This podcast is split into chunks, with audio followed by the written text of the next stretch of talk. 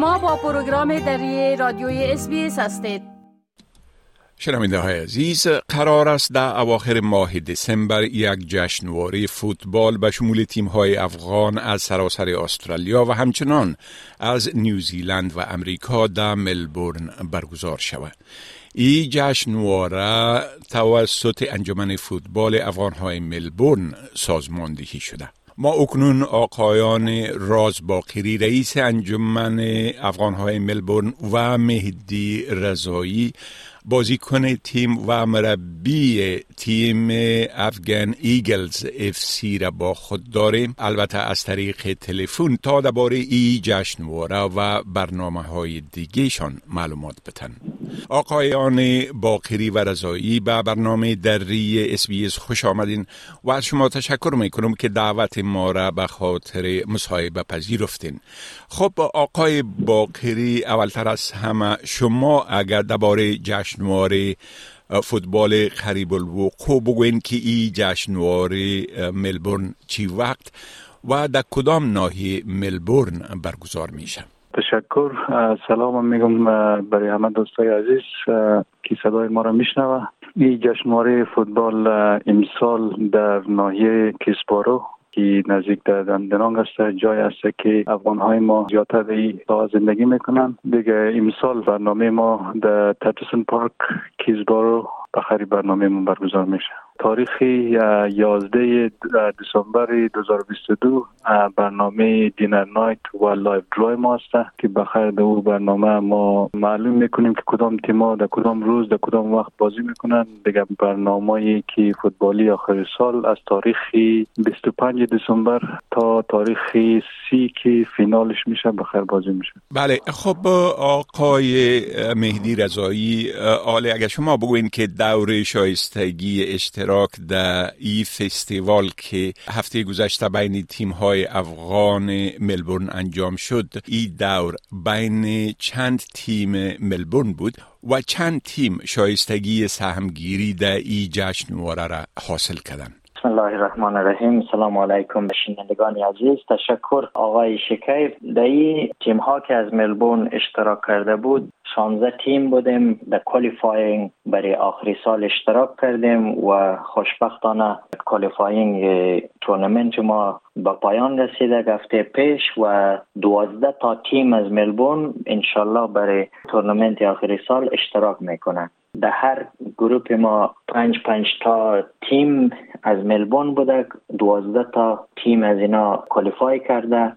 از گروپ A Afghan Eagles Afghan Youth United Afghan Victory و گان United از گروپ B Afghan Premiers FIFA Boys Afghan United FC توفان FC از گروپ C عقاب FC Great Hazara FC امید FC و پاک Hazara FC. خب چند تیم دیگه از ایالات دیگه استرالیا و همچنان گفتم این که از خارج استرالیا هم در ای تورنمنت شرکت می‌کنن از ایالات دیگه و از خارج چند تیم دیگه میه خارج انشالله باری اول است که یک تیم از امریکا اینجا اشتراک می‌کنه به نام Afghan Premier FC و یک تیم دیگه از نیوزیلند هست به نام مایونت نیوزیلند FC که قبلا در 2019 اونا اشتراک کرده بود در تورنمنت ما.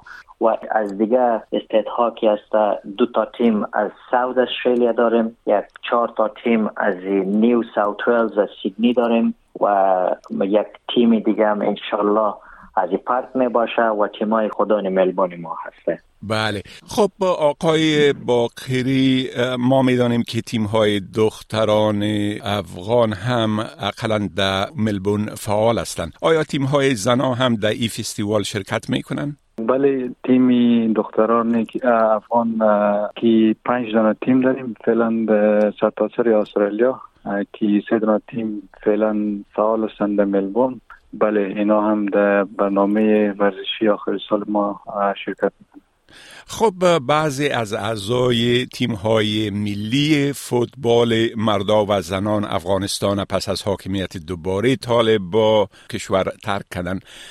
ما می‌دانیم که یک تعداد از اعضای تیم زنا به استرالیا آمدن. آیا کدام عضو یا اعضای تیم مردا هم به استرالیا آمده؟ و اگر آمدن اونا هم در این فستیوال سهمی می‌گیرن؟ بله تیم دخترای international افغانستان فعلا همراه تیمی Melbourne Victory که در state league در جریان بازی هستند که خیلی هم نتیجه خوبی گرفتن در لیگ خودشان.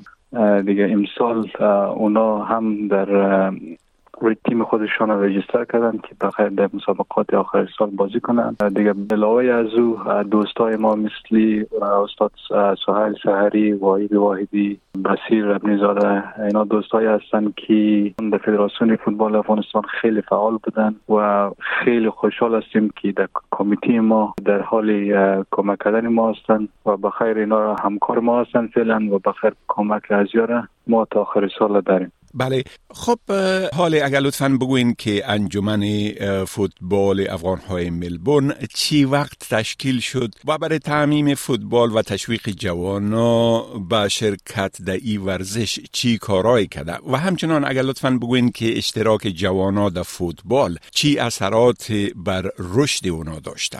بله ما ملبورن افکن ساکر اسوسییشن رجیستریشنش در سال 2019 شد. پیش از او این برنامه تقریبا برای 8 سال یا 10 سال گذشته جریان داشت که هر سال در یک ایالت مختلف استرالیا برگزار می شد که سال پیش در سیدنی بود که تیم ملبورن قهرمان شد. امسال بخیر برنامه در ملبورن است. دیگه برای برنامه سالانه ما که ما در Easter که ماه اپریل سال میشه ما یک برنامه Easter Cup داریم که زیادترش جوانا و دختر خانما و بچه هستن.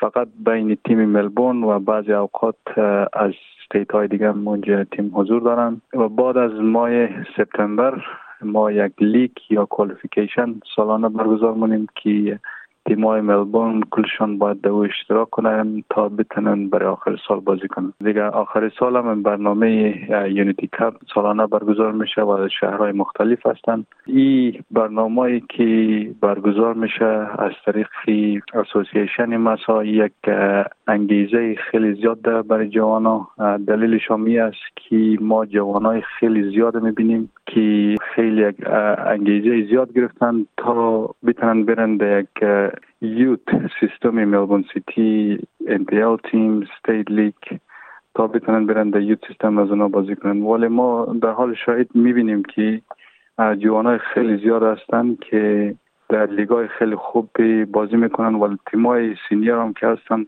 تقریبا زیادترشان فعلا جوان هستن. دیگه کلش نشان دهنده از است که یک اثر خیلی خوبی داره برای جوان بله. خب می‌تونین بگوین که انجمن شما چی طرحها و پلانهای برای کوتاه مدت و دراز مدت داره بله برای کوتاه مدت خب فعلا ما چند تا گل داریم. یا بگم گل چیش نمی‌فهمم ولی خب اهداف دارین برای آه بله. بله چند تا برای کوتاه مدت چند تا اهداف داریم. اهداف اولی است که بخیر یک قانون و مقررات خیلی خوب جور کنیم تا سر تا سر استرالیا بخیر این مقررات یا قانون تصقیب شوه. دیگه یک از دیگه برنامه داریم که بتنیم یک میدان یا یک جای برای خود تیمای افغانایی که در ملبورن هستن بخیر داشته باشیم. این اهدافیه که می‌خوایم در بین یک سال دو سال دیگه جمع شوه. بله. دیگه اهداف کلان یا لانگ ترم از ماییه که ما بتنیم بازیکنایی داشته باشیم که در تیمی از کمیونیتی خود ما در تیم خود استرالیا در تیم افغانستان و در لیگای اروپا و خود استرالیا باید بازی کنن دیگه او اهدافی که است که ما درش کار کرده رایستیم بله خب آقایان باقری و رضایی بار دیگه از شما تشکر می کنم که وقت تانه برای انجام این مصاحبه اختصاص دادین و امیدوار هستم که موفقیت های فراوان نصیبتان شوه و برای جامعه ما در استرالیا افتخار و سربلندی کمایی کنین. سلامت باشید. تشکر. بپسندید شریک سازید و نظر دهید. اسپیس دری را در فیسبوک تعقیب کنید.